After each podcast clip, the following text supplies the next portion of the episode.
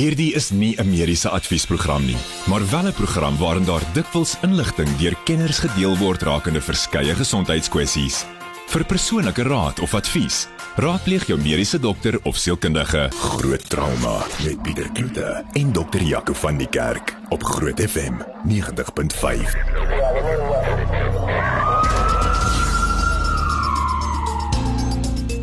Dis 7 minute oor 8. Baie welkom. Dis klein Saterdag. Ek is Pieter Kloete saam met Dr. Jaco van die Kerk van Montana met se trauma eenheid. Het ook sy eie praktyk daar in Montana. En is tyd vir groot trauma. Ja, welkom Jaco. Ja, goeienaand Pieter, goeienaand aan almal wat luister daar by die huis. Jy klink baie beter as die laaste week op die foon geklink het. Ek hoop nie ek uh, hoes vanaand nou hier oor die oor die mikrofoon nie, maar ons uh, ons gaan hom vat. Ja, so Jaco was bietjie seker geweest hy het wel homself laat toets en hy het negatief gekom en uh, so ek sê uh, sy mederhelfte wat ook toe, toe negatief getoets. So ons kan aanvaar dat jy verseker nie COVID het nie, net 'n ou griepietjie. Ja, Pieter, ek dink um, dis een van die min toetse wat ek bly is. Ek het nie goed gedoen nie of 'n positiewe resultaat nie.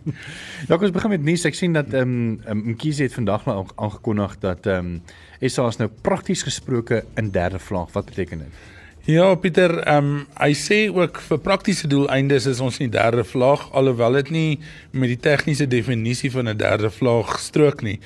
Die groot ding is ehm um, ons getal of ons syfers neem drasties toe en daar's nie weer 'n afname in die syfer nie en dit bly konstant.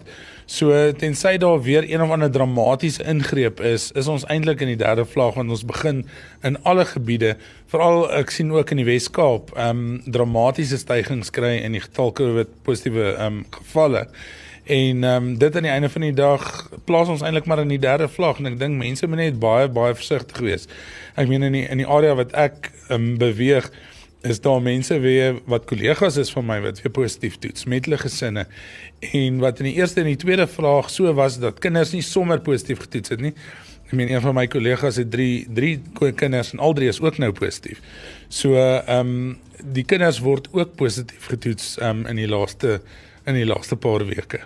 En mense sien as mense kyk na nog 'n artikel wat um, geplaas is van ehm um, laerskool wat in Potchefstroom is juis oor COVID. Ek dink daar was iets so 60 kinders wat uh wat positief getoets is ehm um, vir vir COVID-19 toe moes hulle nou natuurlik die hele skool toe maak uh om te self-isoleer. Ja, definitief en ek dink as 'n mens gaan kyk in die eerste vlaag was dit meer die ouer mense en die en die mense met komorbiditeite en in die tweede vlaag het ons gesien dat jonger mense ook aangetas word en en slegte uitkomste het. Jy weet tussen 40 en 50 en op hierdie stadium um, sien ons al hoe meer en meer kinders wat positief getoets word, definitief. Ek sien ook hulle sê dat fase 2 van die nasionale COVID-19 inentingsprogram begin nou hierdie komende maandag. Ja, ehm um, fase 2 beteken dat persone ouer as 60 van maandag af dan ingeënt kan word. Ehm um, maar jy moet ook deur die registrasieproses gaan en alhoewel die regering graag wil 5 miljoen mense en meer um, in hierdie ouderdomsgroep of ouderdomskategorie in en is daar nog net 840 000 mense wat wat ehm um, geregistreer het. En ek dink 'n groot deel daarvan is omdat inligting nog vir daai mense moeilik beskikbaar is. Ons kyk na die ouer populasie, hulle is nie so altyd ehm um, jy weet inligting te, in in ten opsigte van van internet en of ehm um, die media is nie altyd vir hulle beskikbaar so so eenvoudig soos wat dit vir ons is nie. Ehm um, en dan is daar nog steeds die vrese wat onder mense is en die miskonsepsies wat daar onder mense is oor die inentings. Ja. En dan uh, sien ek ook dat Afrikaanse mense is baie skepties oor inentings volgens eh, 'n uh, nuwe uh, toetslag het of 'n uh, ehm um, statistiek wat hulle bepaal het met 'n met 'n peiling. Ja, Pieter en dis baie interessant. Ehm um, die die artikel praat oor 29% van Suid-Afrikaners wat huiwerig is om ingeënt te word. So hulle weet nog nie moet hulle of moet hulle nie. En dit is nogal 'n groot persentasie van 'n bevolking om om de, op die draad te sit. Ehm um, As jy dit net onder Afrikaans sprekendes vat, is daai syfer 42%. Sure. Beteken daarom gelukkig dat die meerderheid mense nog steeds ingeënt wil word. Ehm um, maar as jy dit vergelyk in totaal met die totale hoeveelheid ehm um, van die populasie van 71% van mense wat ingeënt wil word, is Afrikaans sprekendes definitief ehm um, die huiwerigste van almal om ingeënt te word. En ek Nee, maar, weet nie weet jy, ek kan dit nie verstaan nie, Miskonsepsies is. Hulle wil nie gaan vir 'n inenting nie, maar kyk as as as hulle 'n pakkie Invermectin gaan koop Ja, uh, nee. en, en hom sommer so in 'n in 'n kop koffiekoppie gooi en hom drink, dan weet ek nie. Ja, nee, ek meen as jy as jy kan sien vir ivermectin, dan moet jy kan sien vir immunisasie. Ja nee, verseker. Ehm um, definitief. Hoorie staan dan net ehm um, tweede laastens, ehm um, ek sien 'n uh, bietjie van 'n goeie die storie vanaand is dat 'n tweeling suksesvol geskei is in die Rooieskraal Hospitaal. Ja, dit is 'n ma wat dan ehm um, swanger was en ehm um, gekraam het in in in op 'n platlandse area waar dan in die Oos-Kaap en toe sy inkraam was, het sy eers agtergekom die dokter sê vir haar babas lê verkeerd. En toe die babas gebore is, was dit dan nou sy meeste tweeling of die koppe was aan mekaar vas en moes hulle oorgeplaas word na die Rooikruis Hospitaal in Kaapstad waar hulle dan um, op 24 Februarie suksesvol geskei is en dit klink my dit gaan goed met die twee kinders. So die ma het gedink sy gaan net twee kinders hê en nou ewe skielik want sy het van tevore kinders nou ewe skielik het sy sommer in een slag Twee ehm, kinders. twee kies gehad. Um, maar ek dink is nogal skrikwekkend as jy dink jy gaan jy gaan kraam en jy gaan jou babatjie kry en hier kom 'n baba met um, wel twee twee koppe en en twee lyfies uit wat aan mekaar vas is. En, en die die probleem met sulke kinders is ook hoe voed jy daai kinders? Hoe was jy daai kinders? Ehm um, hoe versorg jy hulle want dit is so moeilik en ehm um, daar's soveel ander risiko's aan hierdie siamese tweelinge. Net so in 30 sekondes Jaco, hoe gebeur dit dat dat dat dat die mense mense tweeling kry dat dat die brein half bymekaar kom? Weet jy dit dit dis maar ontwikkelingsabnormaliteit. Ehm um, as mens na die embriologie kyk of die ontwikkeling van van die kinders of van van fetusse, ontwikkel ons almal maar uit 'n sel wat 'n selplaat later word en wat eintlik in 'n silindriese vorm omvou soos wat die soos wat die fetus ontwikkel. En baie keer is hierdie fetusse so in mekaar gestrengel, hulle hulle plate groei letterlik basies aan mekaar vas en on, hulle ontwikkel as 'n enkele eenheid. Ehm um, jy kry nie net die koppe nie, partykeer is dit maar die lyfies, partykeer deel hulle hart. Ehm um, en dit hang ook af of dit 'n hulle praat van monosigoties of disigotiese tweeling is, hang of, of dit van van ehm um, jy weet in een uh, amnion sak of twee is. Ehm um, so daar's baie faktore wat dit beïnvloed. Ehm um, maar dit is eintlik relatief skaars daar. Sjoe. En net laasens uh, vinnig, ek sien dat ehm um, baie kan nou letterlik die COVID-19 virus uitsnif. Want Nederlanders het navorsing het nou baie opgelei om bloedmonsters wat met die koronavirus SARS-CoV-2 besmet is te identifiseer. En die wetenskaplikes meen baie met hulle uiters sterk reeksintuig kan die wagtyd vir uitslae van die virustoetse drasties verkort. Nou die baie is by die Bioveeartsenykundige Navorsingslaboratorium aan die Universiteit van Wageningen opgelei deur middel van 'n beloningsstelsel Ehm um, en Prof Wim van der Poel, hy's 'n professor van virologie wat aan die studie deelgeneem het, sê 'n bloedmonster wat met die virus besmet is, is voor die bye geplaas en daarna is die bye met suikerwater beloon. 'n Bloedmonster wat nie besmet is nie, is daarna voor die bye geplaas en die beloning is weggevat. Van der Poel sê die bye het so gewoond geraak aan die beloningsstelsel dat hulle outomaties hulle tonge begin uitsteek het om die suikerwater te kry. Die oomblik dat 'n besmette bloedsmonster naby aan hulle gebring is. Sjoe. Ja, dis ongelooflik en ehm um, ek dink diere word baie baie onderskat. Ehm um, insekte in hierdie geval.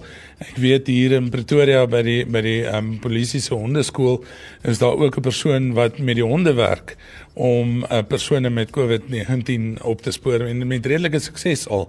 So dit word nog nie algemeen gebruik nie, maar die reeksintuie van diere en insekte is van so 'n aard dat ek dink dit is 'n ongelooflike sensitiewe manier, dalk selfs sensitiewer as wat ons toetse is um, om hierdie om hierdie um, siektes op te tel en ek dink dis 'n ongelooflike goedkoop manier om dit te doen. So ek um, ek dink dis ongelooflik en ek, ek ek sien uit om te hoor wat wat in die toekoms gaan gebeur in opsigte daarvan. Ja.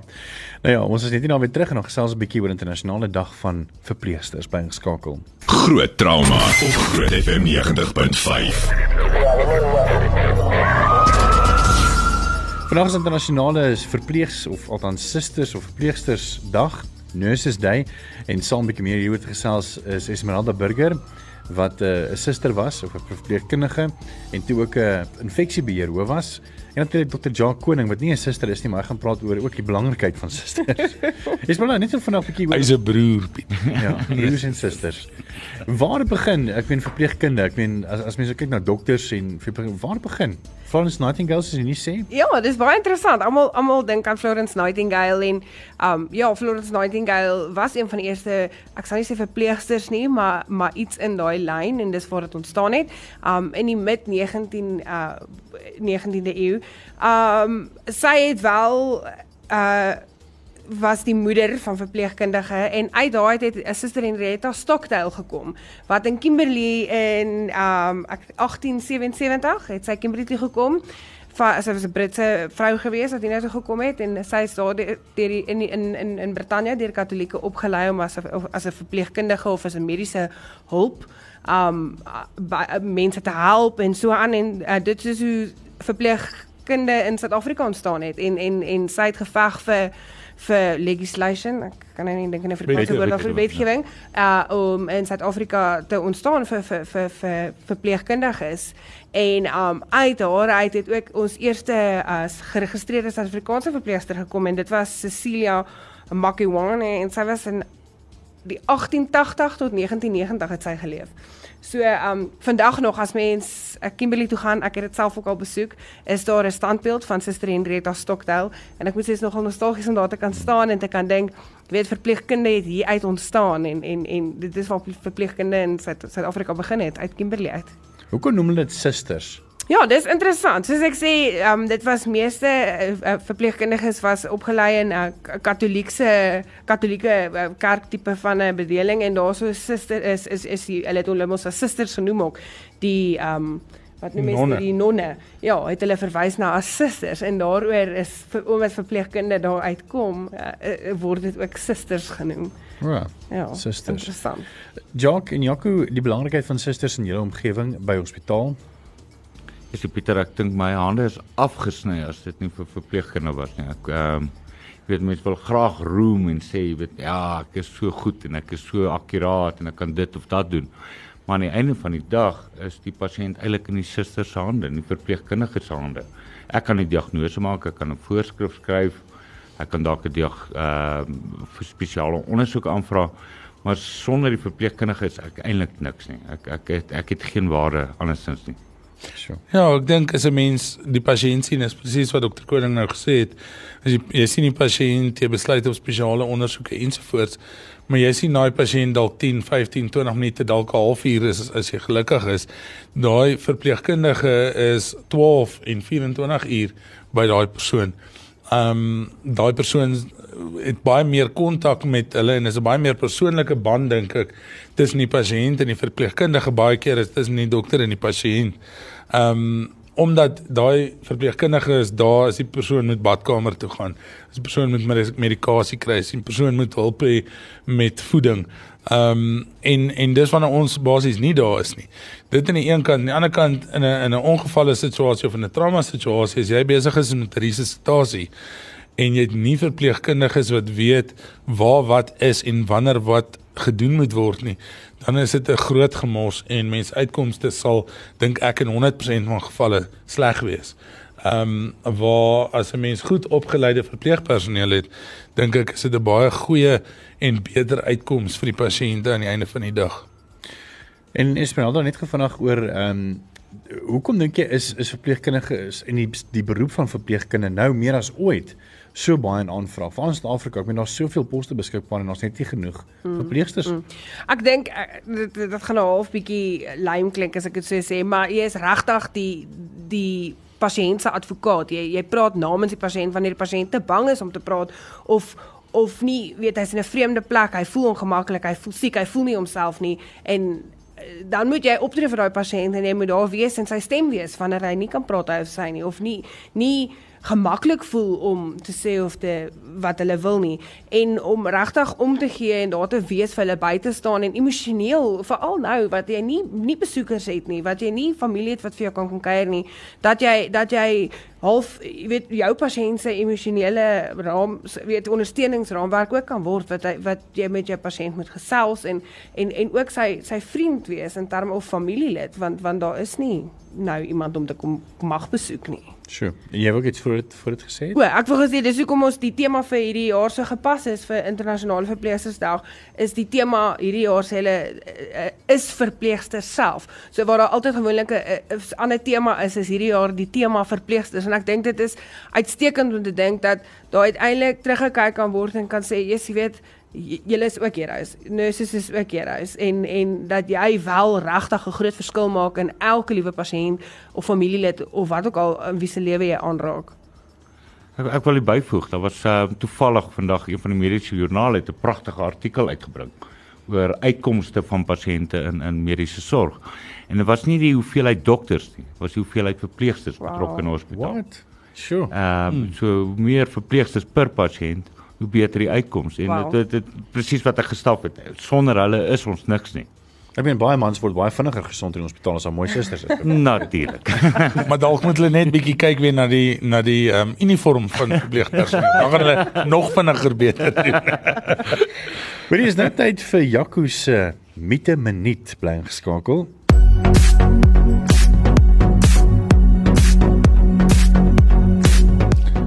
Ja, daar's baie mites oor geregistreerde verpleegkundiges.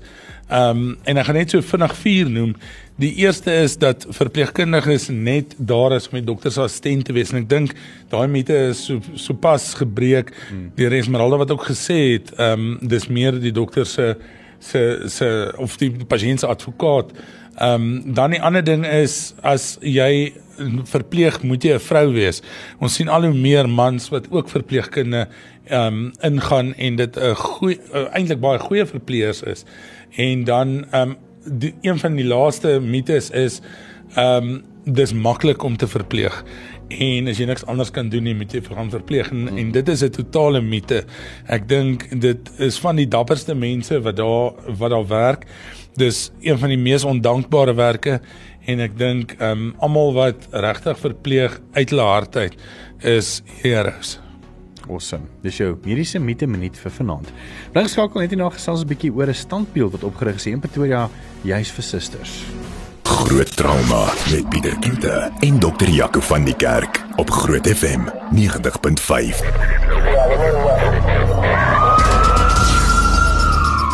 Welkom terug, nou so 28 minute weg van 9uur af.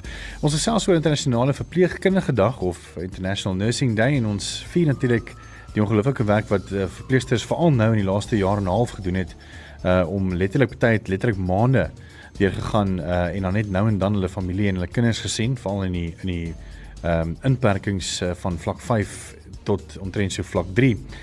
En ek dink niks beter as om 'n uh, bietjie van 'n standbeeld op te rig vir hierdie mense wat regtig onverpoos werk en die ure wat hulle werk om vir ons gesondheid, ek meen naas dokters en die meer. Hierson te gesels is Robert uh, Jordan, hy is die bestuurende direkteur van die Suid-Afrikaanse Hospitaal. En jy het iets baie spesiaal gedoen die afgelope, wel letterlik vandag as as ek dit nie mis het nie, Robert. Dis reg Pieter, baie dankie. Ehm um, ja, dit was 'n groot geleentheid vir ons gewees waar ons 'n uh, standbeeld onthul het. Dit was vir ons 'n uh, 'n groot oomblik in die geskiedenis van die hospitaal gewees, ja.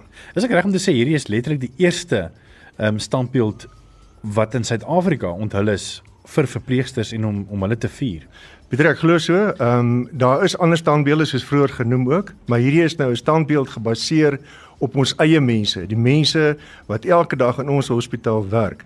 So wat gedoen is, hulle die gemiddelde Angus Taylor is die is die ehm um, ehm um, sculptor of die die ehm um, beeldmaker wat betrokke was en hy het die gemiddelde afstande gevat van die personeel, so 'n stuk of 10 personeellede gevat afstande gemeet van die middel van die oor af tot by die mond, van die oor af tot by die oog en dan so die gemiddeld uitgewerk van al die personeellede.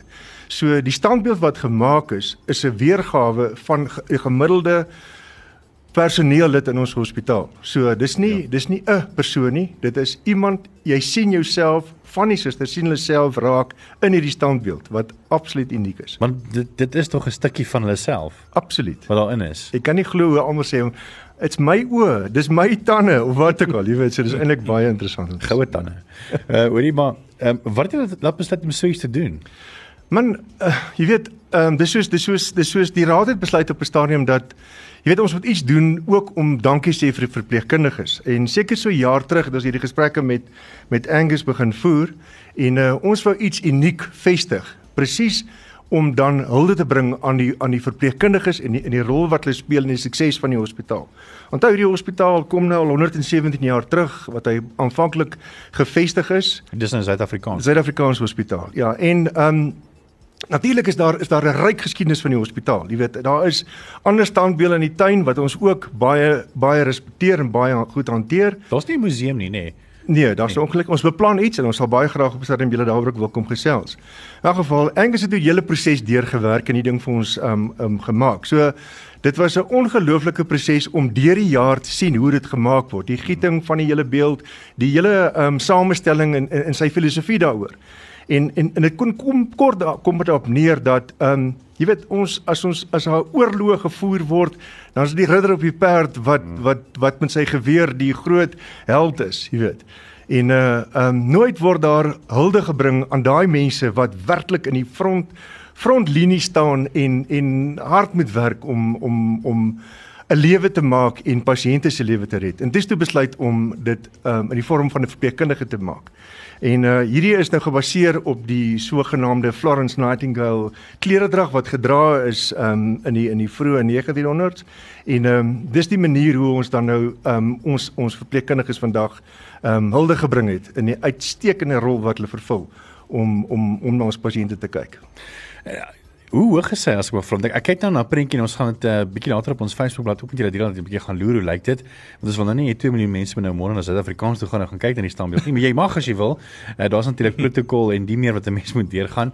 Maar hoe hoog staan hierdie standbeeld? Hy's omtrent 2 meter lank. So dis dis 'n dis 'n enorme standbeeld in 'n volle gewaad en uh dit is nogal impressive om te sien. Is maar jy jy kan nou sien lyk like daai prentjie.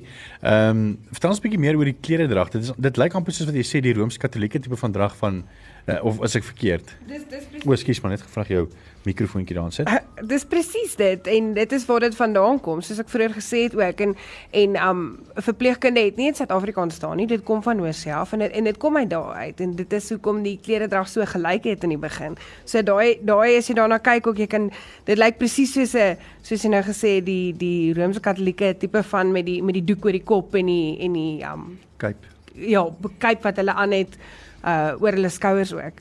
Moeilike vraag vir jou Ismanelda. Die doel van daai horlosietjie op hulle op hulle ehm um, ding. Hoekom is is tyd belangrik vir vir 'n verpleegster? OK, tyd is belangrik vir baie dinge. Ehm um, nommer 1 is om jou om jou vitale data aantekens en so aan te kan neem. Moet jy kan ehm um, die tyd dophou.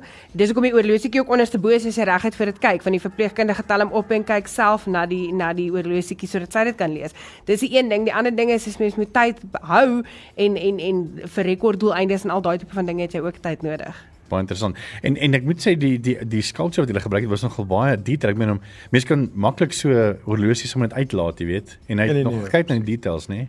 nee, verseker, ons het ehm um, ons het besef of het het daarop aangedring dat ons wel die horlosie aansit, want ek dink dit maak net sin. Dis dit vir 'n sinnebeeld presies wat wat ehm um, Esmeralda nou gesê het.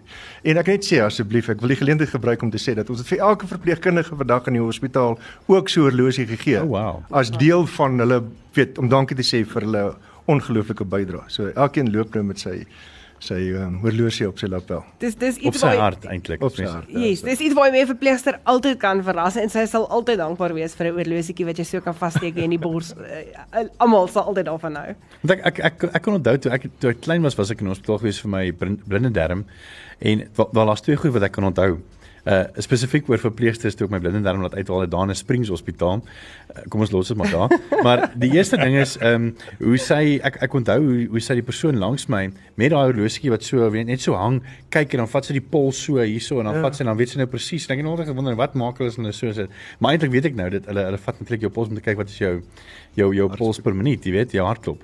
Ja, ek het dan die tweede ding het eintlik reg nou niks te doen met met ons onderwerp eintlik nie, maar dit gaan oor nurses want sy het my gesê ek onthou nog tot vandag toe nog gesê dat sodra ek 'n eerste wentjie gee, gaan ek baie vinnig gesond word, jy weet. Na my blinde darm. Dit kan ek onthou.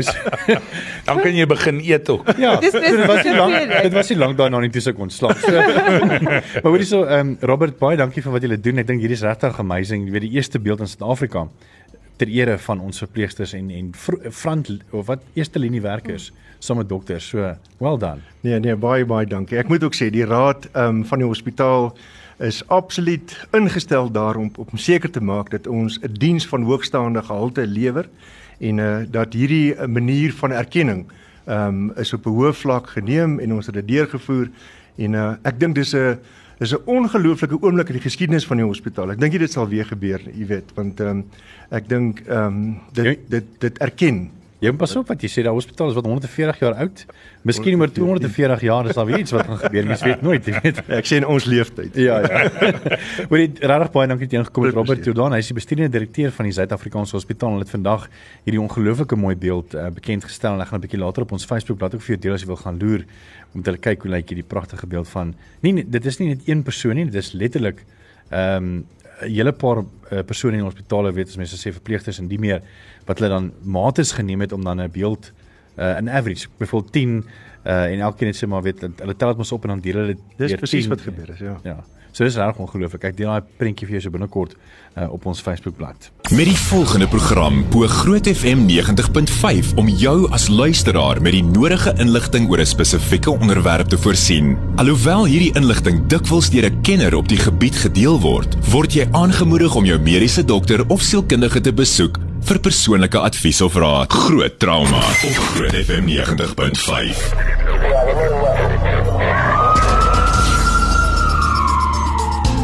Welkom terug. Dis groot trauma op Groot FM 90.5 en dis nou tyd vir vrae vir Jaco. Uh, of althans vra vir Esmeralda ook vanaand omdat sy nou 'n verpleegster is. So die eerste vraag is Esmeralda, een van die moeilikste of moeilikste tye uh, wat jy kan onthou van uh, om 'n verpleegster te wees. Ek dink en dit hou nou lekker verband met die pandemie ook. Ehm um, wat ek nooit sal vergeet nie, is ek was nog 'n studenteverpleegster en die eerste keer in my lewe moes ek 'n pasiënt gaan verpleeg in isolasie saam met 'n mede-kollega. En ek onthou ek het daai ek was nagdiens gewees en ek het nog my pa gebel en gesê: "Pappa, ek gaan nou na iemand kyk in isolasie en ek moet 'n jas aantrek en 'n masker aansit en booties aantrek en hulle sê ek my eie klere aantrek en die hospitaalse klere aantrek. Dit was vir my vrees aanjaend. Alhoewel jy geweet het as jy begin verpleeg dat jy met so ietsie te doen gaan kry, was dit ongelooflik vrees aanjaend om te dink jy gaan nou hier in by hierdie pasiënt en jy weet nie, almal sê dit is so verskriklik. Jy weet nie of jy môreoggend gaan okay wees as jy uitkom nie. So dit is my een van my vrees aanjaendste oomblikke. As jy enige vrae het vir Jaco 0616104576 onthou standaard tariewe geld onthou jy kan enige vraag vra en maak dit maar moeilik dink lekker moeilike vrae uit as jy wil. Nog 'n ek dink nie hier is nou gevra nie, dis net meer 'n stelling maar ek meen jy kan maar antwoord as jy wil. Ehm um, is die hele PPE ding vir verpleegsters net so slep? Ja, ek ek, ek dink dit is nou al 'n gewoonte en dit is nie meer so groot ding nie, maar in die begin om dit gewoon te raak, dink ek is nogal 'n storie daai plastiese voorskootjies kan dan maar ongelooflik warm maak en as jy nou self besig is en jy is doenig daar, jy weet jy's fisies besig, dan um, dink ek mense kry 9 keer warmer as wat jy doen. Jouself het daai dag toe ons gaan uh, mm. goedertjies uitdeel by die hospitaal, um gevoel hoe voel dit as mens loop 'n paar uh, trappe en hoe jy voel daarna in al daai klere en 'n masker en al daai. So ek dink dit is 'n slep, maar jy weet hoekom jy dit doen en daaroor doen jy dit ordentlik. Ja, nee en, en, en ons was nie eens vol gepiep hierdie nek Presies. sweet hoor. Presies. So so maar maar in jou gedagtes, weet jy as jy as jy werk met pasiënte dat jy wil nie siektes en so aan uh, versprei na ander mense toe ook nie, behalwe dat jy jouself wil beskerm. So dan is dit nie so groot slep nie dink ek. Dan is jy vra vir Jaco, um, ons het onlangs verhuis, my dogtertjie 11 is baie emosioneel. En dan vra sy werk en dan sê sy nou die middelste naam werklik of is daar iets anders wat sal beter werk, Jaco? Pieter, ehm um, die middel wat genoem word werk nie werklik nie. En dis kom ek nie die middel gaan noem nie. Ehm um, die groot ding is ek dink wat wat 'n mens moet besef is as jy anxiolytikums of angswerende middels oor die toonbank kan koop, is dit nie baie potente middels nie. En as jy werklik 'n probleem het, gaan dit waarskynlik net help as jy glo dit help. So ek sal voorstel sy ehm um, kontak haar, haar dokter wat vir haar 'n baie beter middel kan voorskryf um vir die korttermyn want meeste van hierdie anksiolitiese anksiolitiese middels wil jy ook nie te lank gebruik nie omdat dit weerstandigheid het um jy weet ontwikkel toleransie eintlik meer ontwikkel en um later ook maar sy effektiwiteit verloor en dan uit die aard van die saak uh, kan afhanklikheid ook 'n probleem raak. Maar die middel betrokke middel wat sy genoem het werk nie goed nie Dan is hier nog 'n vraag en ek moet vir jou sê as as ek net terugdink aan my grootwordjare in Middelburg en Mpumalanga het het ek ek ek het so 'n bietjie van 'n love-hate relationship gehad met winter want ek ek is mal oor winter, mense kan lekker warm aantrek en nie meer. Ehm uh, maar die ander ding wat ek gehad het was val op skool en eksamentye is dat my neus heeltyd geloop het. Ek het heeltyd sinus gehad in Middelburg. En uh letterlik my hele lewe lank tot ek nou uh op ek dink dit was tens 22 jarige ouderdom of 23 jarige ouderdom uh Nyland toe getrek het en toe daar by die kus is my sinusprobleme verby. En selfs toe ek nou teruggetrek het Pretoria toe sukkel ek glad nie met dit nie. Ek dink dis miskien ook net omdat hierdie meer uh, Bosveld as Hoëveld is.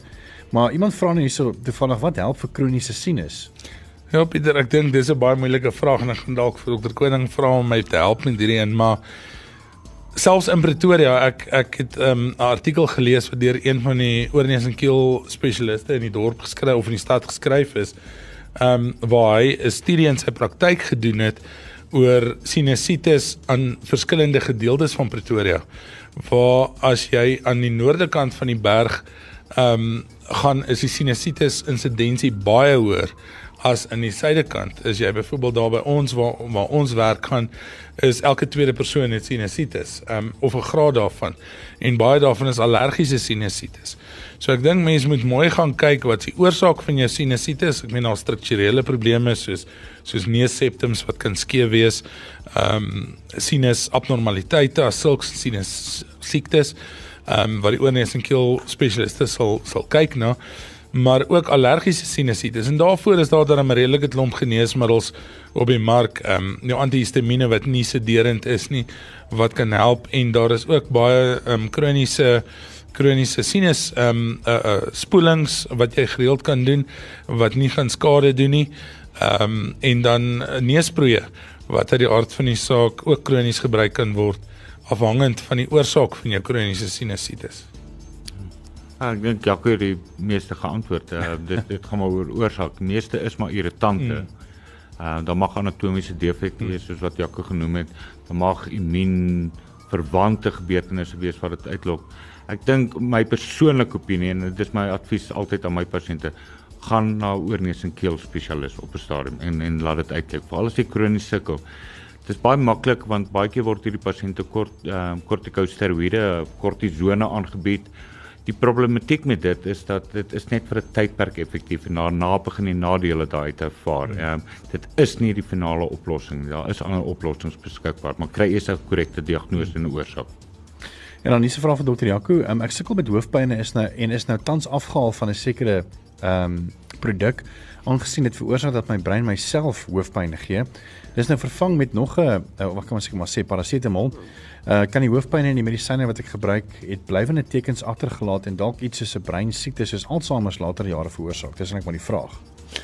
Nee, Pieter, ek dink is dis bekend dat mense wat gereeld pynmedikasies gebruik, ehm um, veral goeders soos kodeïne, ehm um, meprobamate, daai klas van dinge wat binne in gemeeste van die van die kombinasie pyngoed ehm um, voorkom dat dit later hoofpynne in stand kan hou as ek reg is.